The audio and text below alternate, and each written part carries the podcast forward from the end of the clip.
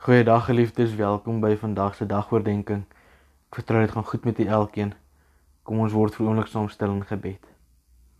Here, dankie vir die voorreg wat ons het om weer rondom u woord bymekaar te kom en te kan weet u is ook teenwoordig. Here, terwyl ons saam u woord gaan hoor en dit ons eie gaan maak, wil ons u vra Here, kom seën dit ook deur die werking van die Heilige Gees. Here kom wees by ons elkeen en kom bevestig vir ons dat U naby ons is. Ons kom bid en vra dit in afhanklikheid in U naam alleen. Amen. Geliefdes, ons gaan vanaand saam lees Psalm 59. Die opskrif van hierdie Psalm: God is 'n veilige vesting. Vir die koorleier op die wysie van Moet dit nie verwoes nie van Dawid, 'n gedig na aanleiding daarvan dat hulle in opdrag van Saul Dawid se huis omsingel het om hom dood te maak. Red my van my vyande, my God. Beskerm my teen my teenstanders. Red my van die mense wat onreg doen. Bevry my van hierdie moordenaars. Die geweldenaars lê my voor om my dood te maak. Hulle wil my aanval, maar ek het nie gesondig nie. Ek het nie oortree nie, Here. Ek is onskuldig en tog bestorm hulle my en val hulle my aan. Kom help my tog. Kyk wat doen hulle. U is die Here God, die Almagtige, die God van Israel. Gryp tog in en straf al hierdie vyandige nasies. Moenie genade betoon aan sulke lae verraaiers nie. Hulle kom altyd in die aand terug. Hulle grom soos honde en loop in die stad rond. Die skuim staan om hulle bekke en hulle wys hulle tande want hulle dink niemand hoor hulle nie. Maar u Here, u lag hulle uit. U spot met al die nasies. U wil my hoop op ek wil my hoop op u gefestig hou. U my sterkte, want u is my veilige vesting. My God sal my te hulp kom in sy trou. God sal my laat neersien op my teenstanders. Moet hulle nie nou al doodmaak nie, sodat hulle straf nie ongemerk aan my volk verbygaan nie. Breek hulle stadig af deur die mag en laat hulle ondergaan. Here ons beskermer oor hulle woorde, die sonde uit hulle mond. Laat hulle gevang word deur hulle hoogmoed, deur die vervloekings wat hulle uitspreek en die leuns wat hulle praat. Vernietig hulle in u toring, wis hulle heeltemal uit. Dan sal almal weet dat God oor sy volk Jakob en oor die hele aarde regeer. Hulle kom altyd in die aand terug. Hulle grom soos honde en loop in die stad rond. Hulle dwaal rond agter prooi aan. En as hulle nie genoeg kry nie, chunk hulle. Maar ek sal sing van u mag. Elke môre sal ek jubel oor u trou, want u is vir my 'n veilige vesting, 'n skuilplek in tyd van nood. Tot u eer wil ek sing, u my sterkte want U is my veilige vesting. U is my troue God. Ons lees tot sover. Geliefdes, wanneer ons na Psalm 59 kyk, dan is dit die derde en die laaste Psalm van die reeks wat op die wysie van moet dit nie verwoes nie geskryf word. Psalm 59 word verbind met die verhaal van Saul wat opdrag gegee het dat Dawid se huis omsingel word om hom dood te maak. Dit is 'n uh, diep persoonlike psalm in 'n situasie van groot gevaar.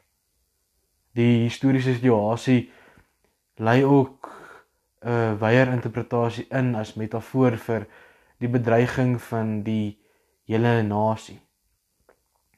Die psalm het dan ook betekenis vir die geloofsgemeenskap. As ons kyk na vers 12 waar die meervoud gebruik word ons beskermer en die hoop op die universele getuienis van God se verlossing wat ons sien in vers 14.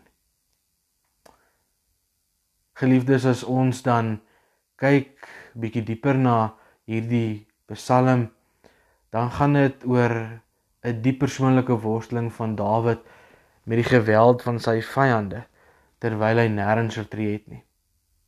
Hy sê die woorde ek is onskuldig en tog bestorm hulle my. Daar word keer op keer na die gevaar van die nasies verwys en dit word bygetrek om aan hierdie Psalm ook betekenis te gee vir die groter geloofsgemeenskap. En daarom kan ons ook sê die Psalm word in 3 dele verdeel. Vers 2 tot 6 die eerste, vers 7 tot 14 die tweede en verse 15 tot 18 die derde. En dit word dan onderskei van mekaar deur die selas wat gebruik word in ons teksgedeelte of ons kan ook sê die herhalende inhoud wat ons vind in verse 7 en 15 wat elke keer 'n nuwe deel in die Psalm kom inlei. As ons kyk na hierdie drie dele, dan gaan die eerste deel oor red my van my vyande, my God. Dawid bid vir God se hulp om hom te red, om te kom beskerm en om te bevry van sy vyande en teenstanders. Mense wat onreg doen en moord wil pleeg. Dawid is ontstel omdat hy nie oortree het nie en hulle hom onskuldig bestorm en aanval. Daarom vra hy hulp van God af.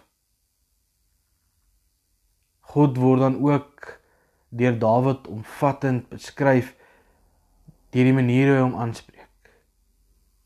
U is die Here God, die Almagtige, die God van Israel. Baie breed word God hier beskryf. Hy fokus ook hierdeur op die hulp van God in hierdie gevaar van die nasies. En dan sê hy moenie genade betoon aan sulke lae verraaiers nie. 'n Sterk oordeel wat Dawid van God verwag. Die tweede deel gaan oor breek hulle stadig af deur u mag en laat hulle ondergaan. Dawid vergelyk die vyande met grommende, skuimende mondhonde wat hom omsing. Hulle put of hy put krag uit God se spottende houding teenoor hulle.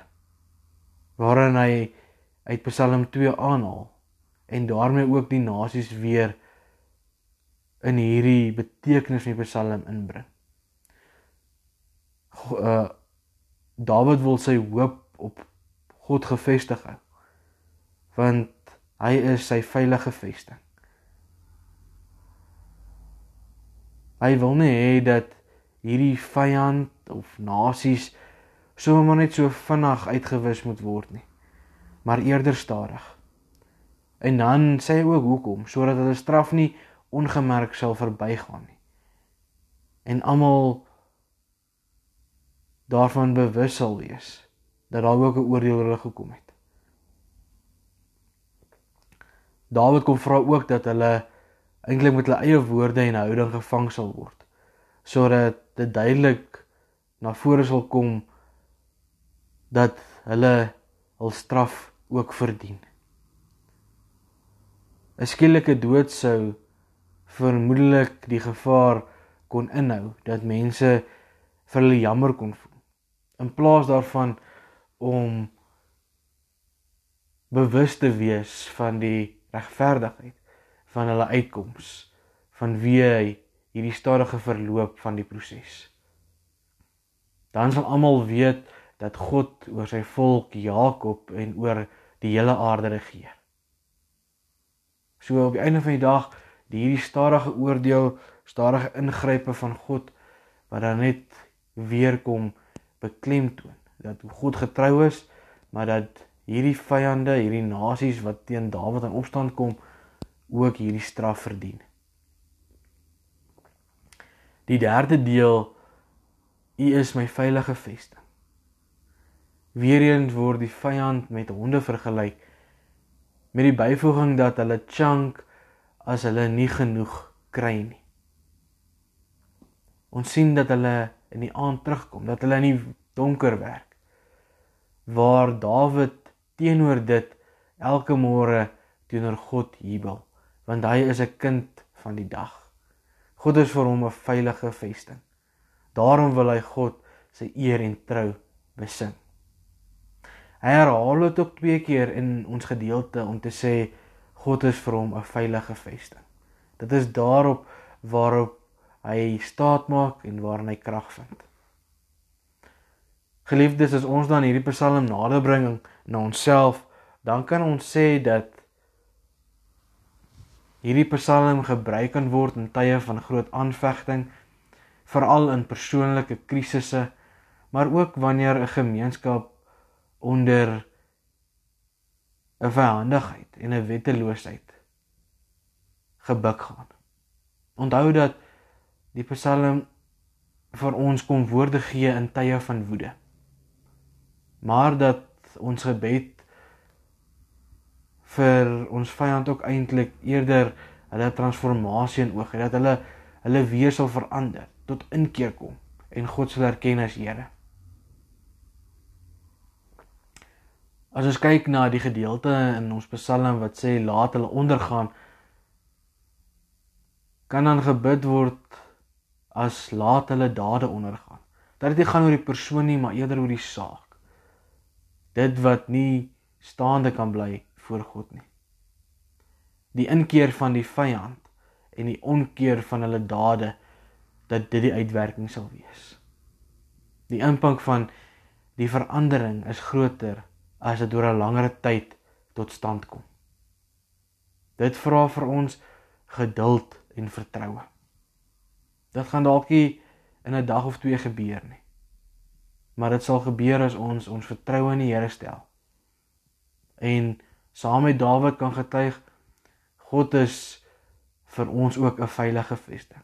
As ons daarop vas staan, dan sal ons ook kan volhard in ons soeke na God en ons geloof en ons vertroue wat ons in hom stel. En saam met dit om geduld uit te leef.